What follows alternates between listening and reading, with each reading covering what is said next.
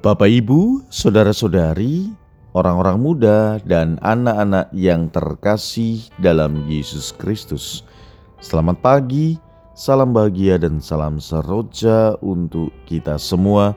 Berkah dalam bersama dengan saya, Romo Antonius Garbito Pambuaji, menyampaikan salam dan berkat Allah yang Maha Kuasa dalam nama Bapa dan Putra dan Roh Kudus. Amin. Hari ini Jumat 9 Juni dalam hari biasa pekan biasa ke-9. Bacaan pertama dalam liturgi hari ini diambil dari kitab Tobit bab 11 ayat 5 sampai dengan 14. Bacaan Injil diambil dari Injil Markus bab 12 ayat 35 sampai dengan 37. Pada suatu hari Yesus mengajar di bait Allah, katanya, Bagaimana ahli-ahli Taurat dapat mengatakan bahwa Mesias adalah anak Daud? Daud sendiri berkata dengan ilham Roh Kudus, "Tuhan telah bersabda kepada Tuanku, duduklah di sisi kananku sampai musuh-musuhmu kutaruh di bawah kakimu."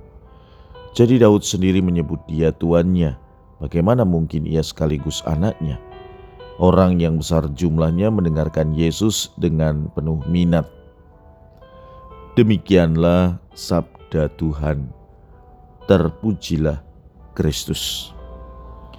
Saudara-saudari, setelah kemarin kita mendengarkan pengajaran Yesus tentang mengasihi Tuhan Allah dengan seluruh diri kita dan mengasihi sesama sebagai wujud dari semuanya itu, hari ini Yesus mengajarkan kepada orang banyak, termasuk kepada kita, dengan mengajukan sebuah pertanyaan.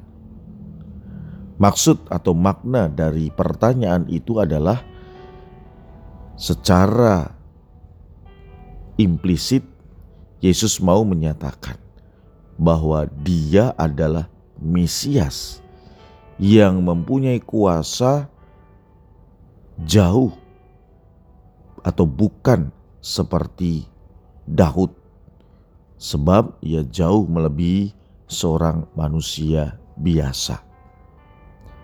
Kehadiran Yesus sudah dinubuatkan dalam kitab suci. Yesus bukan sekedar keturunan Daud, karena dia adalah juru selamat dunia, putra Bapa yang punya kuasa atas segala sesuatu.